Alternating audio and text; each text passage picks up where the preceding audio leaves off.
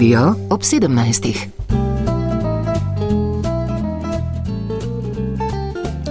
Dobr dan, spoštovani poslušalci in cenjene poslušalke. V tem tednu obeležujemo na eni strani za naš svet žalosten menik, saj so na današnji dan pred letom dni ruski tanki udrli na ukrajinsko ozemlje in začela se je krvava vojna, ki še ni videti skorajšnjega konca. Posledice so globalne, milijoni beguncev, na tisoče mrtvih, energetska kriza. In na drugi strani ponos na naših tleh, začel se je največji športni dogodek, za katerega se je Slovenija potegovala več desetletij, to je nordijsko svetovno prvenstvo v planici.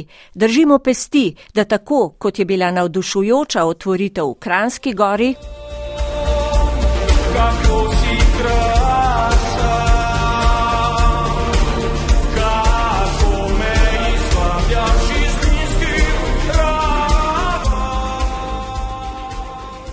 Da bo tako tudi naši športniki navdušili z osvojenimi kolajnami.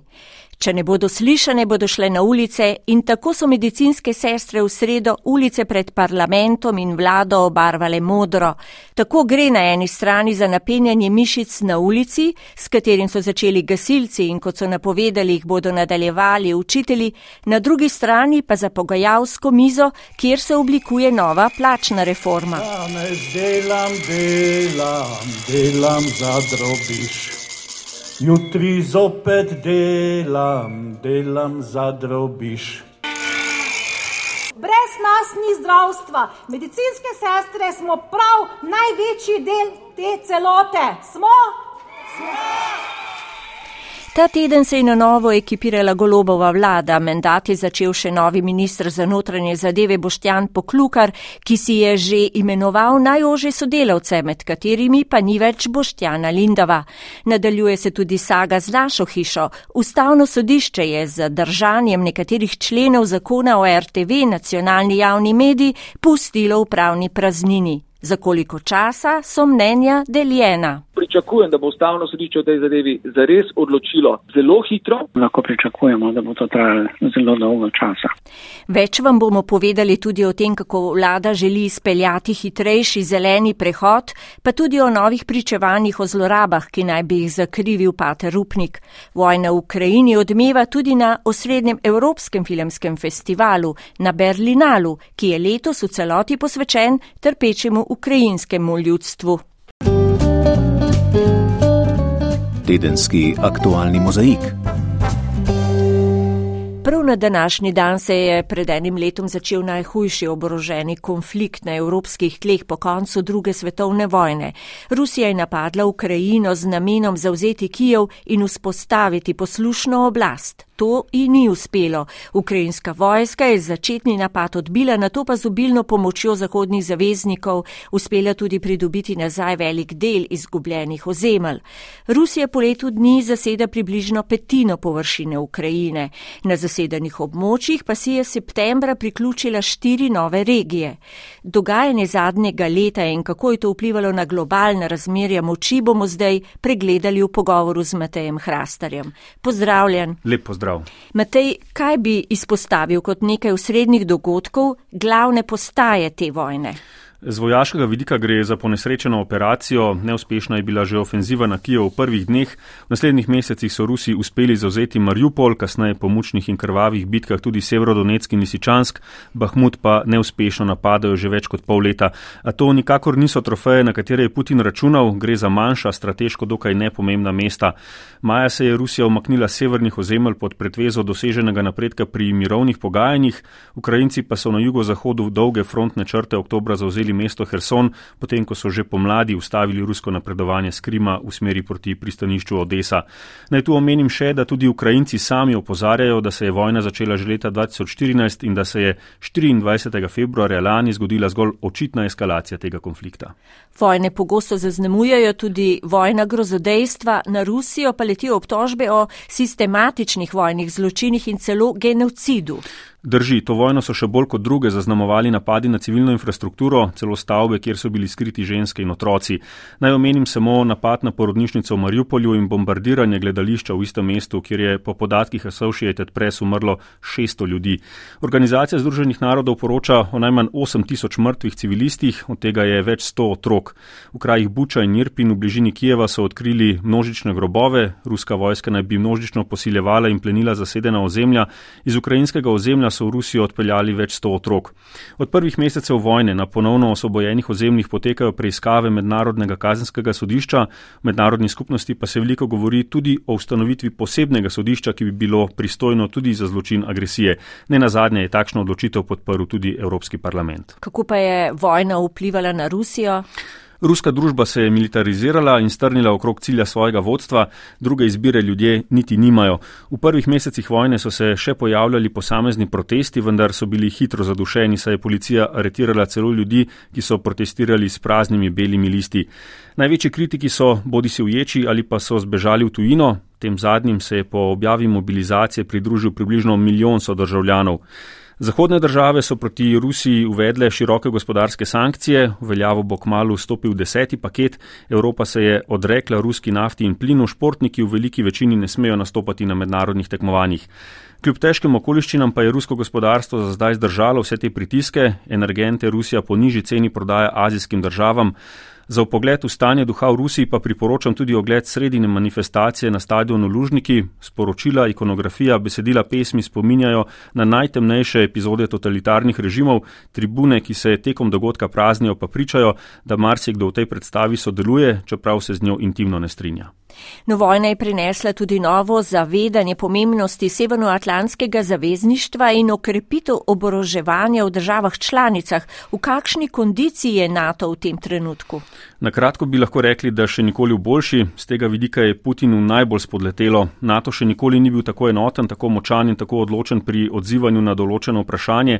Dva odstotka BDP za obramne izdatke, kar je bilo še pred letom dni bolj priporočilo, ki ga je izpolnjevala le peščica članic, je zdaj postalo spodnja meja, ki jo morajo kar se da hitro doseči vse članice zavezništva.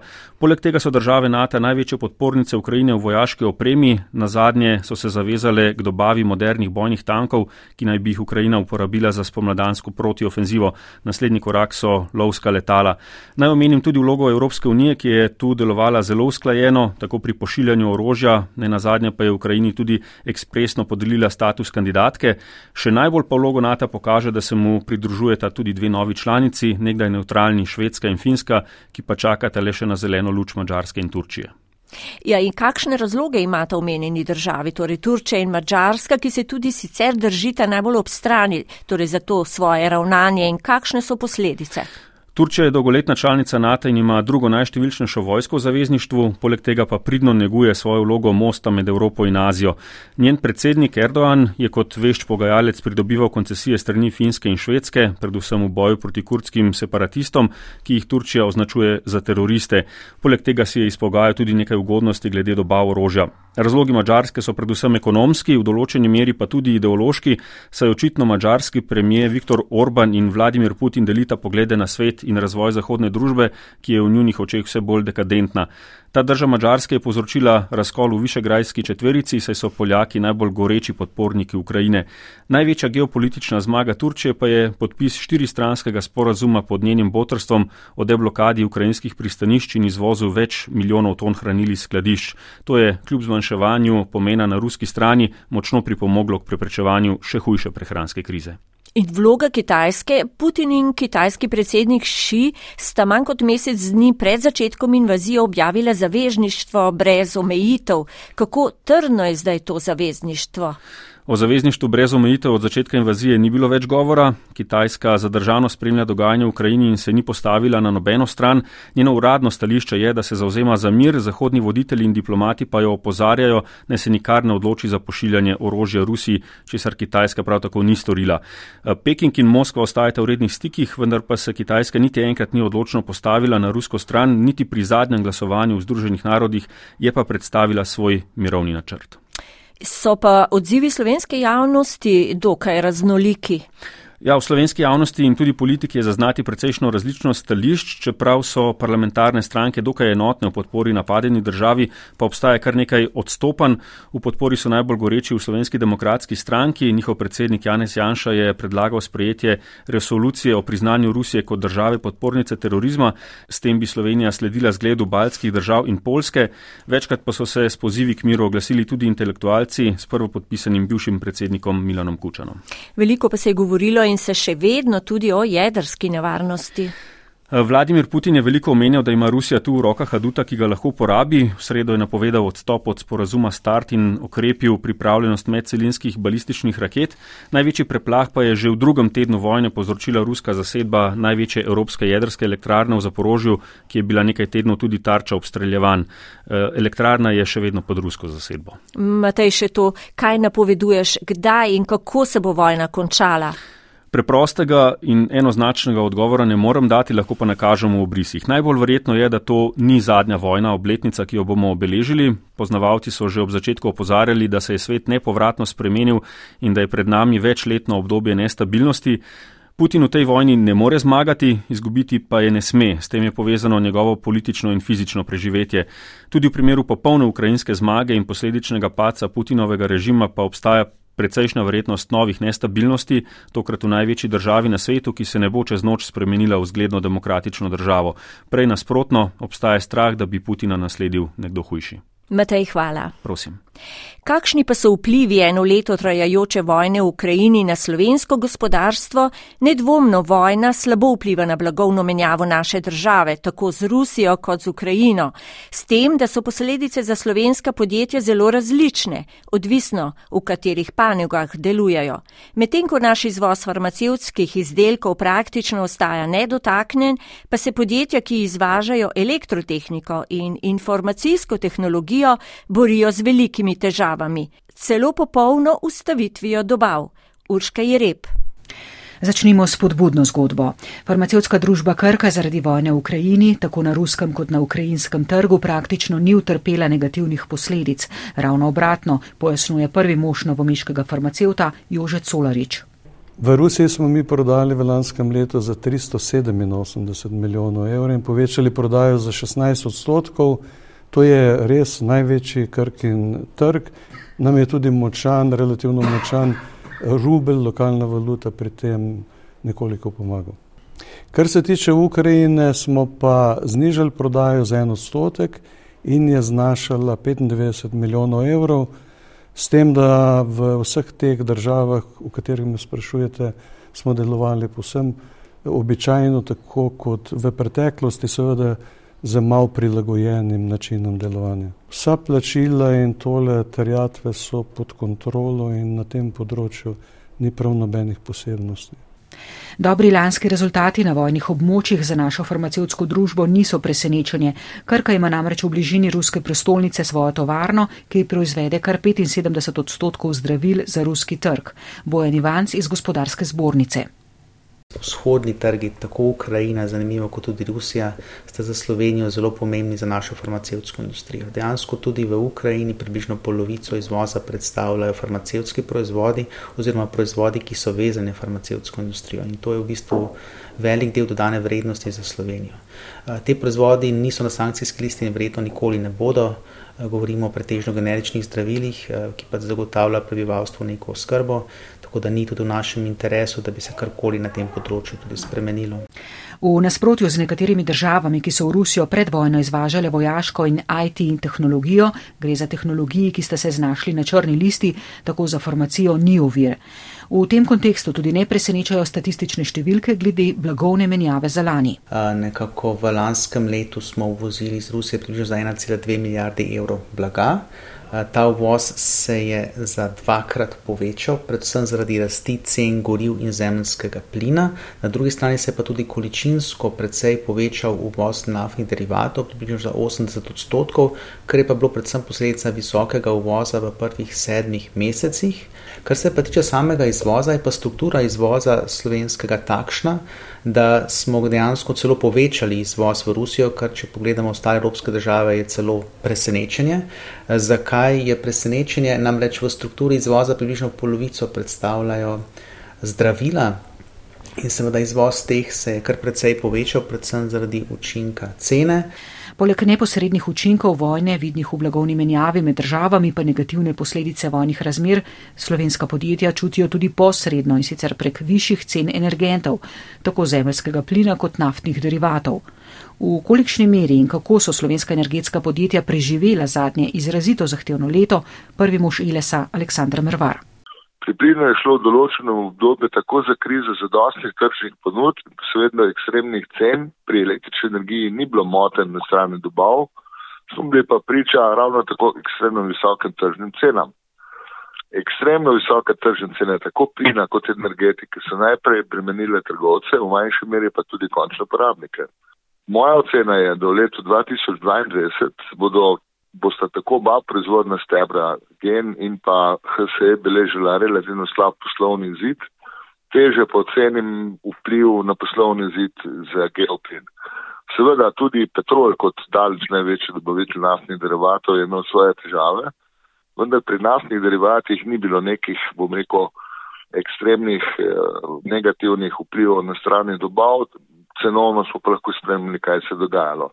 Kar je pozitivno ta hip je dejstvo, da so cene plina in elektrike bistveno niže kot lani. Ne glede na to, pa kot ocenjuje Mrvar, bodo v 2023 še vedno dvakrat ali večkrat više, kot so bile v prvem polletju 2021.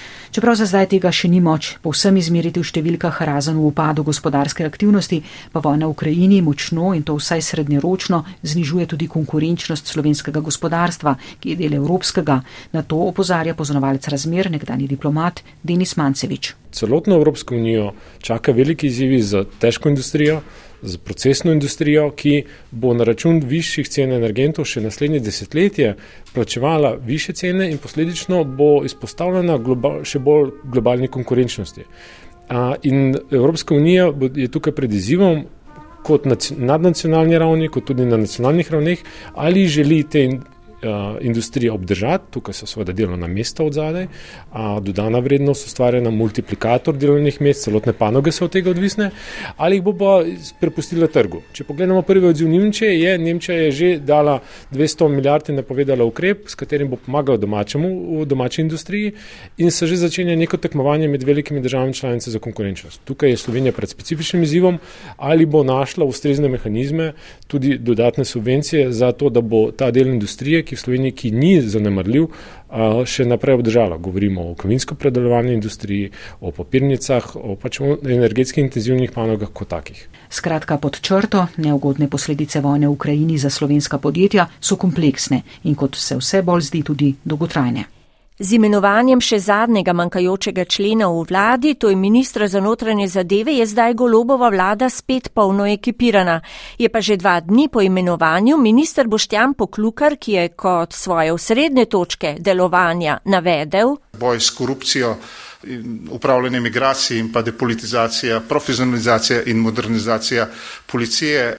Je oblikoval svojo najožjo ekipo sodelavcev, v kateri pa ni več Boštjana Lindava. Za prvega med policisti je imenoval Senada Jusiča. Pravzaprav uh, gospod Senat, magistr Senat Jusič je karierni policist. Uh, to gre popolnoma za mojo odločitev. Želel sem, da uh, dobim v ekipo uh, uh, policista, uh, generalnega direktorja policije, oziroma vršilca dožnosti generalnega direktorja policije, nekoga, ki prihaja po tej karierni poti iz terena, iz uh, samega okolja, iz policijske uprave in uh, verjamem, da bo uh, magistr Senat Jusič odličen uh, generalni direktor uh, policije, oziroma vršilca dožnosti generalnega direktorja policije.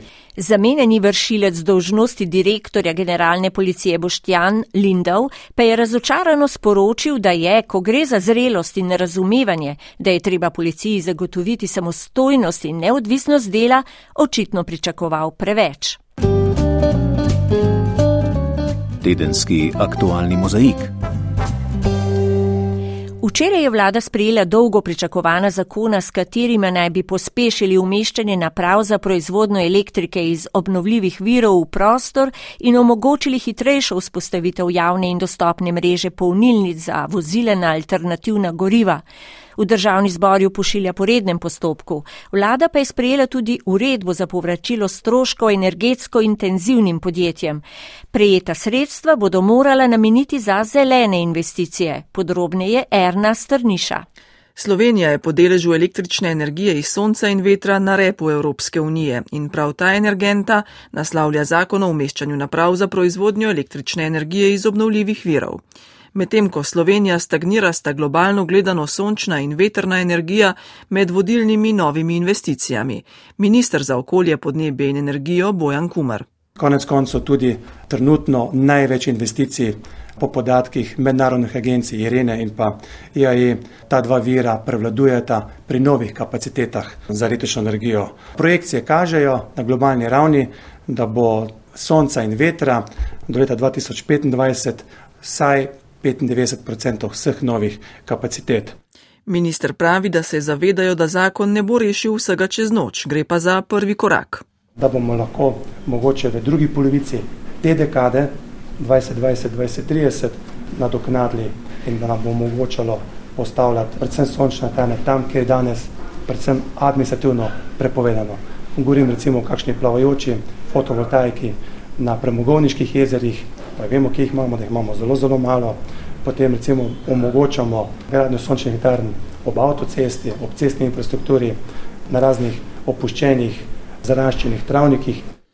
Zakon je kompromisna rešitev sodelovanja s številnimi deležniki. Prvotni seznam tako imenovanih prednostnih območij za postavitev naprav pa je bistveno krajši od načrtovanega.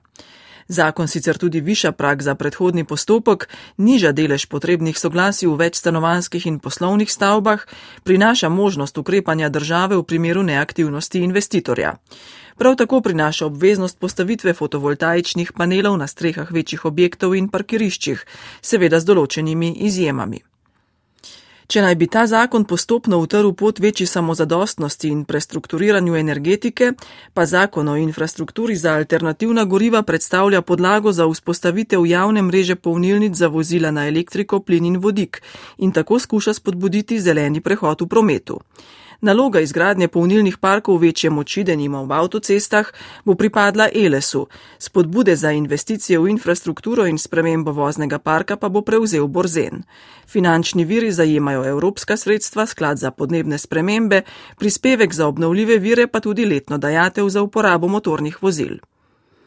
Nekoliko v senci obeh zakonov pa so ministri sprejeli tudi uredbo, ki je pod z novim zakonom odprla že prejšnja vlada in ki energetsko intenzivnim podjetjem prinaša delno povračilo stroškov za više cene električne energije, ki so posledica vpliva cen oglika na stroške proizvodnje elektrike. Gre za sektore, ki so izpostavljeni tako imenovanemu tveganju premestitve emisij oglikovega dioksida, z drugimi besedami preselitve umazane industrije ven iz Evropske unije. Nadomestilo bo lahko predstavljalo največ tri četrtine nastalih posrednih stroškov. Vir zan bo podnebni sklad. Podjetja iz kovinske, papirne, steklarske in podobnih panog ga bodo morala v dveh letih nameniti bodi si za projekte proizvodnje energije iz obnovljivih virov, bodi si za izboljšanje energetske učinkovitosti ali za naložbe za zmanjšanje emisij na svoji napravi. Ekonomist in poznavalec energetike Izidor Rosta Nožbolt pritrjuje oceni gospodarstva, da slovenska industrija s tem ni več v neenakem položaju z evropsko, a potrebam po subvencijah bi se lahko izognili, če bi podjetja v preteklosti šla v smer večje učinkovitosti. In dejansko študije kažejo, da je potencial prihrankov v industriji res enormen, več kot 5 teravatnih ur, to je približno 10% vse v Sloveniji porabljene energije, industrija pa je v preteklosti dosegla zgolj par procentov te vrednosti. Če pogledamo pa iz tega, a naj perspektive bi pa lahko rekli, da, te, da to kritje posebnih stroškov ni pretirano smiselno oziroma ni smiselno. Ne? Poleg tega bi bilo smiselno v uredbo dodati člen, da je treba denar porabiti za nove, ne za redne investicije. Kot še dodaja Ostanožbolt, pa subvencij ne bi več potrebovali, če bi EU pohitela z upeljavo mejnega ogličnega davka za uvoz umazanih produktov iz držav zunaj EU. In logika tu je, da na eni strani Evropa zasluži, a ne preko okoljskega davka, druga logika je pa stimulativna, da podjetja, ki uvažajo v Evropo, se bojo raje želela razogličiti da bodo plačala nižji davek. Prav tako bi bila to spodbuda ostalim državam, da še same uvedejo podoben davek. A z upeljavo tega ukrepa Evropska unija še ne hiti. Ta teden pa se je že do dobra zagnal pogajalski stroj, ki bo skušal reformirati plačni sistem v javnem sektorju. A sindikati, ki so nezadovoljni s trenutnim stanjem, so svoje stališče tudi ta teden izrazili na ulici. Tokrat so pred vladnim poslopjem protestni shod organizirali zaposleni v zdravstveni negi. Šolski sindikat Svis pa se ni odločil za shod, temveč je za april napovedal nov stavkovni dan v izobraževanju. Več o vsem tem Katja Arhar. Javni sektor v naši državi niso le uradniki v pisarnah na ministerstvih. Teh je še najmanj od vseh javnih uslužbencev, čeprav se prepogosto prav z njimi identificira sektor, ki v očeh vseh, ki v njem ne delajo, državi odžira velik del proračunske pogače. A javni sektor so predvsem zaposleni v zdravstvu, zaposleni v šolstvu, na policiji, v vojski, na finančni upravi, v kulturnih ustanovah. Zato ureditev plačnega sistema za nekaj manj kot 190 tisoč javnih uslužbencev ni mači kašelj. In tudi zato je pod drobnogledom javnosti. Posledično pa so vse aktivnosti sindikatov, ki zastopajo zaposlene v javnem sektorju, toliko bolj odmevne. Prejšnji teden so se za protestni shod odločili poklicni gasilci. Ta teden so ga izvedli zaposleni v zdravstveni negi. Predsednica sindikata delavcev v zdravstveni negi Slavica Mencingar. Sporočamo vam, da zaposleni v zdravstveni negi ne moremo in ne bomo čakali na konec novih pogajanj. V sindikatu delavcev zdravstvene negi pričakujemo in zahtevamo takojšno rešitev. Minister za zdravje Daniel Bešič Loredan ustraja, da se bodo vsa plačna nesorazmerja uredila v novem stebru za zdravstvo, pogajanja zanj pa so se že začela. Protest je legitimna odločitev vsake sindikalne strani, vseh in slehrnega v Sloveniji in to moramo spoštovati. Kar želimo na vladni strani je, da se zavedamo problematike zdravstvene nege, da se zavedamo, da je to največja skupina, ne na zadnje delamo korake, ki jih pred nami še nobena vlada ni naredila. Pogajanja za ostale stebre oziroma dejavnosti naj bi se začela v kratkem. Za izobraževalni steber, na primer, takoj, ko bo sklenjen stavkovni sporazum, o katerem pogajanja bolj ali manj aktivno potekajo že leto dni.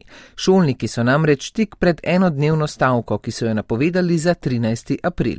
Glavni tajnik sindikata vzgoje izobraževanja znanosti in kulture Branimir Štrukal. Mi ne moremo pristati na to, da bi zdaj leta, ko se bo plačni sistem delal na novo, čakali pri teh razmerih. Zato bomo ustrajali, da se sklene ta stokovni sporozum, pa naj stane, kar hoče v tem primeru, da bomo pač tu šli do konca, ker druge možnosti nimamo. Štrukelj tudi po današnjih pogajanjih ni bil najbolj optimističen.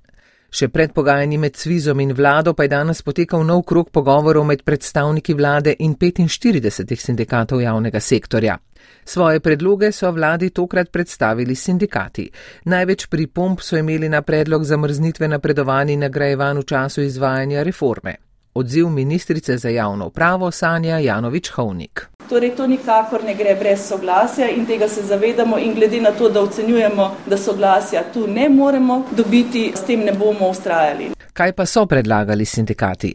Branimir Štrukal iz Konfederacije sindikatov javnega sektorja opozarja na nujnost ohranitve sistema kolektivnih pogodb. Pa tudi. Drugo se veže na primerljivost posameznih delovnih mest, tudi prek teh stebrov, ki so zaenkrat zgolj predlog vlade, sindikati še nismo sprejeli in odprli smo tudi številna bistvena vprašanja, ki se povežejo na dejstvo, da so tiste anomalije, ki so bile ugotovljene in to naš centralen očitek vladi, jih zdaj vlada preprosto legalizira v novem plačnem sistemu, tako da jih razporedi v posamezne škatle in škatle zapre, da se ne gledajo med seboj.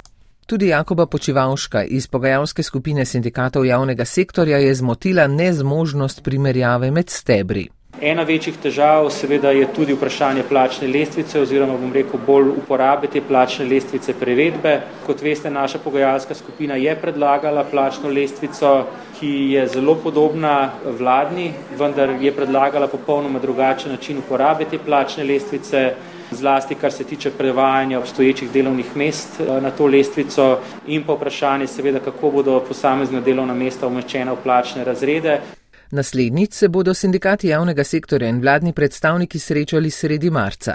Takrat naj bi bil na mizi tudi že predlog zakona, na podlagi katerega bodo izpogajali nov plačni sistem. V mestnem času pa naj bi se začela pogajanja po stebrih oziroma po dejavnostih. Zaenkrat so se vsaj simbolično začela le za zdravstveni stebr, pa še ta niso prišla dlje kot do seznanjanja o primerljivih sistemih v tujini.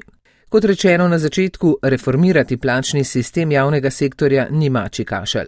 Veliko bolje borba za vsako posamezno pravico in vsak posamezni evro, borba, ki se ne konča v petih minutah je zgodba, ki se bo nadaljevala mesece. Dvig minimalne plače, ki je izboljšal položaj delavcev z najnižjimi prejemki, je na drugi strani poslabšal položaj tistih, ki morajo plačevati kredite. Povečali so se namreč tudi zneski, ki morajo ostati na računu posameznika po poplačilu anuitete. Zato vlada posega v to z novelo zakona. Ministr za finance Klemen Boštjančič. Z danes potrjenim predlogom novele bomo tako nedvoumno omogočili, takšno izvajanje makrobonitetnih ukrepov Banke Slovenije za kreditiranje prebivalstva, na katere ne bo vplivala vsakokratna korekcija minimalne plače, temveč samo neodvisna ocena regulatorja. Po uveljavitvi zakona Ministrstvo za finance pričakuje, da bo osrednja banka olajšala sedanje omejitve. Odločitev ustavnega sodišča, da zadrži del novele zakona o radio-televiziji Slovenija, je javno RTV spravila v zapleten in nejasen pravni položaj. Novi svet RTV je namreč z imenovanji večine članov po trditvah vlade in dela pravne stroke konstituiran, nima pa pravne podlage za svoje delo. Pravne podlage pa prav tako naj ne bi več imela obstoječa programski in nadzorni svet. RTV je tako v nekakšni pad poziciji. Več Lucija Dimnik Rikič. Ustavno sodišče je zadržalo dokončno oblikovanje novega sveta RTV ter tudi določbo, ki omogoča menjavo vodstva javnega zavoda, ni pa zadržalo postopkov imenovanja članov sveta. Ta ima tako že večino od skupno 17 članov. Na Ministrstvu za kulturo so zato prepričani, da je svet RTV konstituiran, vendar ne more začeti delati. Ministrica Asta Vrečko. Mi seveda hm, preučujemo možnosti, spoštujemo pa tudi odločitev odločitev ustavnega uh, sodišča. Uh, ampak po naši interpretaciji je svet bil konstituiran, ampak zaradi zadržanja zakona ne vemo, kako uh, bi lahko začel s delom. Kljub temu pa je treba povedati, da nadzornemu svetu RTV Slovenija in pa programskemu svetu RTV Slovenija s tem uh, je potekel mandat. Avtor pobude za oceno ustavnosti Matej Aubel in prvo podpisani pod pobudo predsednik programskega sveta Petr Gregorčič odločitev o delnem zadržanju novele vidita drugače. To pomeni, da je uveljavljeno začasno stanje torej upravljanja uh, tekočih poslov. Nadaljni postopki lahko tečejo, vendar ne bojo imeli svojega učinka.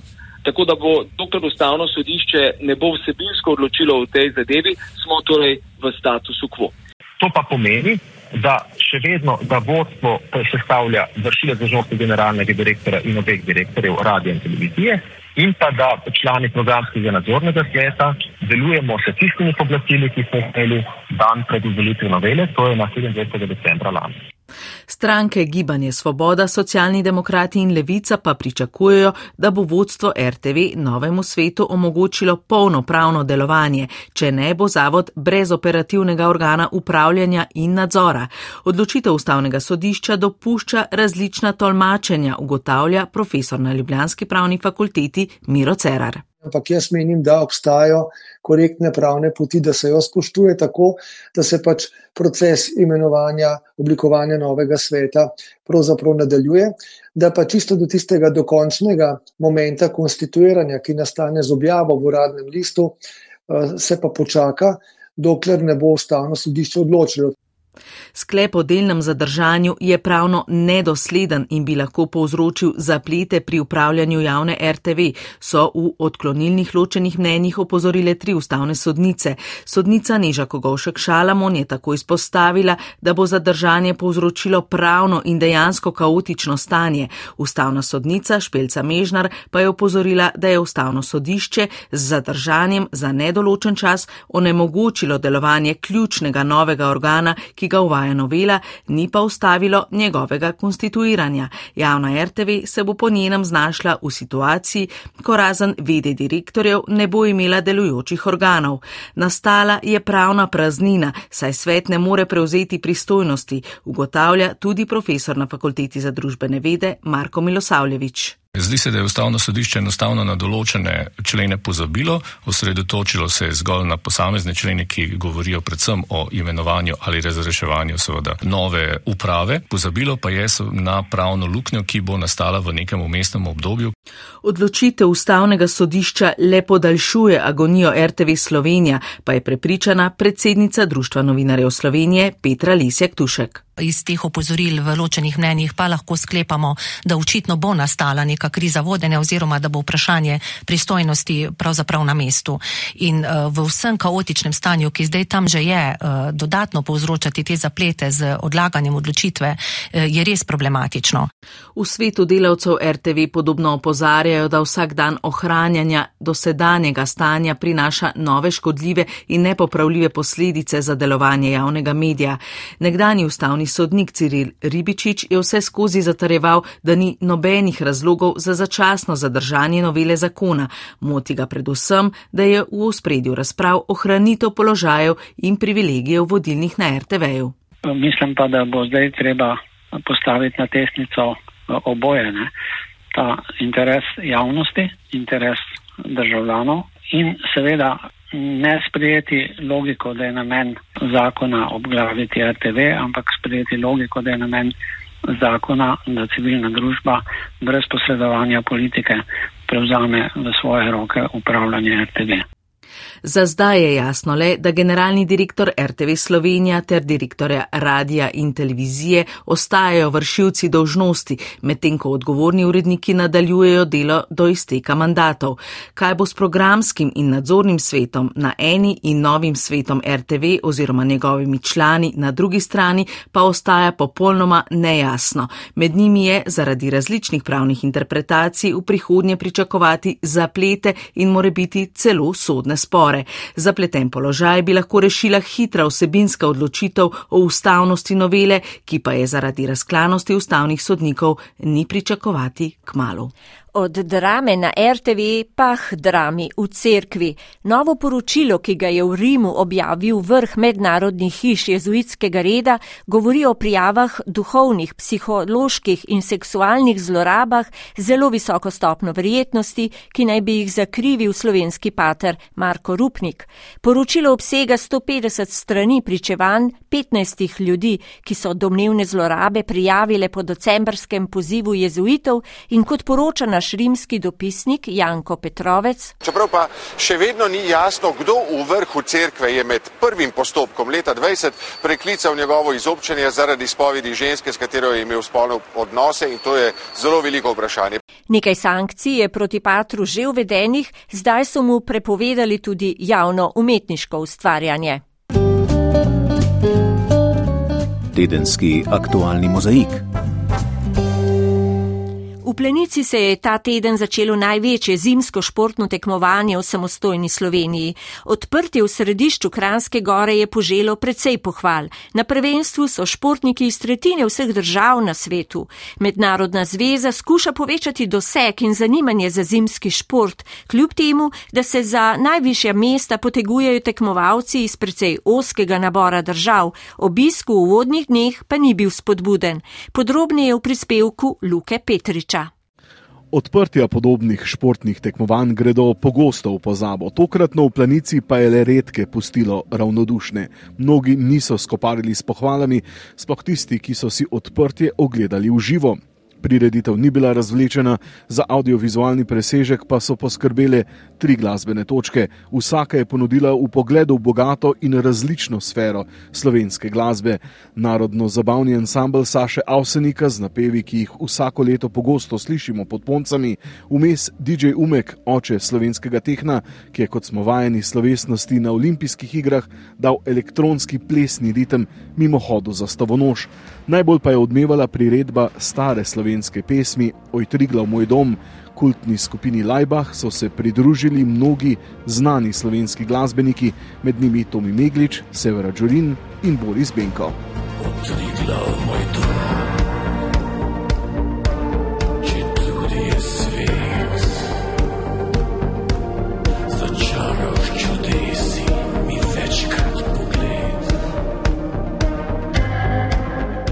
Šestinšestdeset zastav se je zvrstilo na koncu, kot je tradicionalno tudi domača, letos seveda slovenska. 66 je kar visoka številka, sploh za tekmovanje v športih, v katerih je svetovni vrh zelo ozek, z redkimi izjemami omejen na nordijske, alpske, vzhodnoevropske države in Japonsko. Vrh pa je v zadnjih letih skoraj da rezerviran za Norvežane. V Lahtiju 2017 so imeli šest medalj več od drugih Nemcev, 2019 v Zefeldu že 16 več. Na zadnjem prvenstvu v Obersdorfu pred dvema letoma pa so osvojili kar 24 medalj več kot najbližji zasledovalci. Prvo svetovno prvenstvo v nordijskem smučanju je bilo pred skoraj 100 leti, več kot 10 medalj pa je v tem času praktično osvojilo zgolj 15 držav. Velika večina športnikov iz toplejših delov sveta, kjer nordijsko smučanje ni doma, tu tekmuje v smučarskem teku, ki je precej enostavnejši in manj nevaren od skokov. Tekači za vadbo ne potrebujejo posebne in drage infrastrukture, torej skakalnice, relativno poceni pa lahko vadijo tudi poleti na rolerjih. A ničesar ne more nadomestiti snega, kar je povdarila tudi Iranka Samaneh Bejrami Bahar, prva tekmovalka iz svoje države, ki se je prebila skozi kvalifikacijsko sito na svetovnem prvenstvu. Tu v planici si je tako zagotovila dodatne nastope. I'm the first cross country athlete in woman that achieved in top 10 in qualification. So it's like a history making and it's really uh, good for us. It means a lot for our, our team. You know, in Iran, we don't have too much snow. We only have two months snow. So uh, actually in the last, in this winter, I only trained eight days on snow. So now I'm here and racing and I'm really happy about it. Povedala je, da v Iranu ni veliko snega, ponavadi le dva meseca na leto, v tej zimi pa je na snegu trenirala le osem dni, zato je bila izjemno vesela svojega uspeha. Večanje dosegaj in odmevnosti zimskih smučarskih tekmovanj je eden od ključnih ciljev mednarodne zveze, da niso omejena zgolj na tradicionalne države. Predsednik mednarodne zveze je šved Johan Eliaš. We, as a sports governing body, have to keep up with uh, the everyday changes. Kot krovna zveza moramo iti v korak s časom in moramo ostati privlačni. Konkurenca so nam vsi drugi športi, ki seveda razmišljajo enako. Moramo seveda razmišljati tudi o okolju in klimatskih spremembah, hkrati pa razmišljati globalno. Evropa ni naš edini trg, velik potencial za razvoj imamo v obeh Amerikah, Aziji. Moramo razmišljati globalno. Velikost prizorišča pa ni nujno pomembna, okolje in vzdušje, ki ga lahko ustvarite, sta ključna. South America, North America. Size is not what matters, it's uh, the ambience that you can create during the events.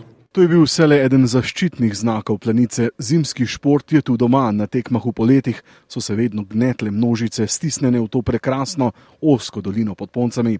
Obisk včeraj in danes ni bil spodbuden in ne gre verjeti, da bi lahko planica podirala rekorde, kar zadeva število obiskovalcev na svetovnih prvenstvih. Predvsej kritik je bilo zaradi visokih cen tako vstopnic kot namestitev. Organizatori so že krepko zmanjšali cilj prodanih vstopnic za to prvenstvo precej boljšo sliko o zanimanju za obisk planice pa bomo imeli jutri, ko bodo tu štiri končne odločitve, vključno z enim od vrhuncev stekmo v smučarskih skokih. Za nameček so bili slovenski skakalci med najboljšimi na treningih.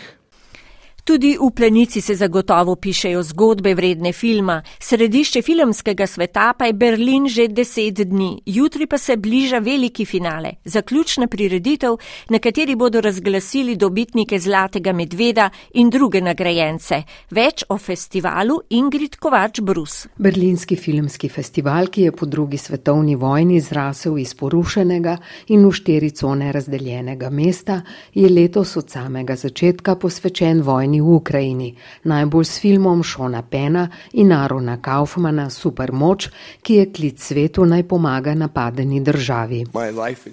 Iz življenjskih izkušenj Šona Pena izhaja, da vedno poskuša stati ob strani vsem ljudem, ki se borijo za svobodo.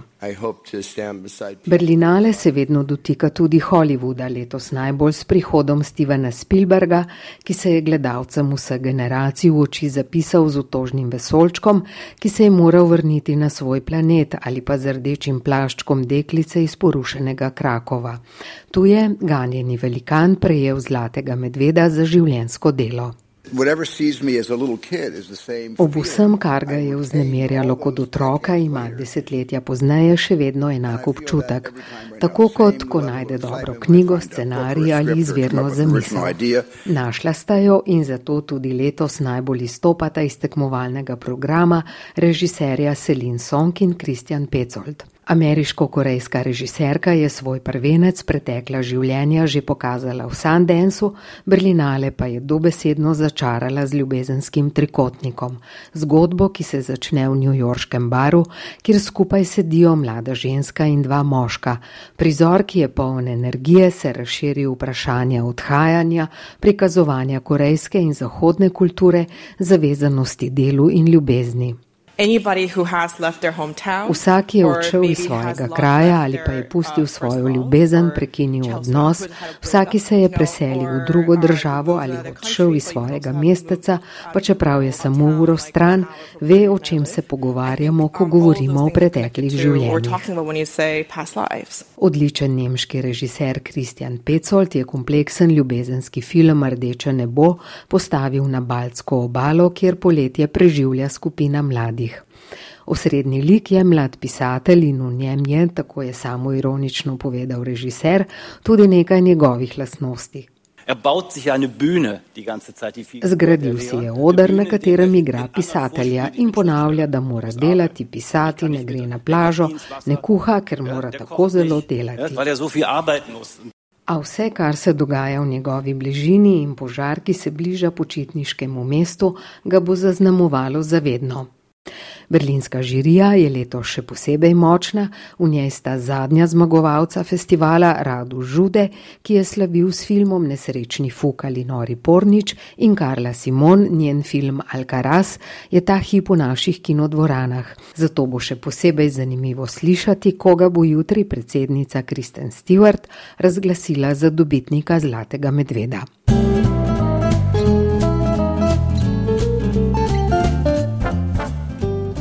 Spoštovani poslušalci in poslušalke, to je bil tedenski pregled najodmevnejših dogodkov, ki so jim sledili kolegi Matej Hrastar, Urška Jereb, Katja Arhar, Erna Strniša, Lucija Dimnik Rikič, Luka Petrič in Ingrid Kovač Brus, urednica Erika Štuler, tonski tehnik Vito Plavčak, vodila pa je Helena Luvinčič. Vabimo vas tudi v ponedeljko v studio ob 17. ko bomo govorili o pokojninskih skladih in kapitalskih trgih. Lep konec tedna tedna vam želimo in močno navijajmo za naše nordice v planici.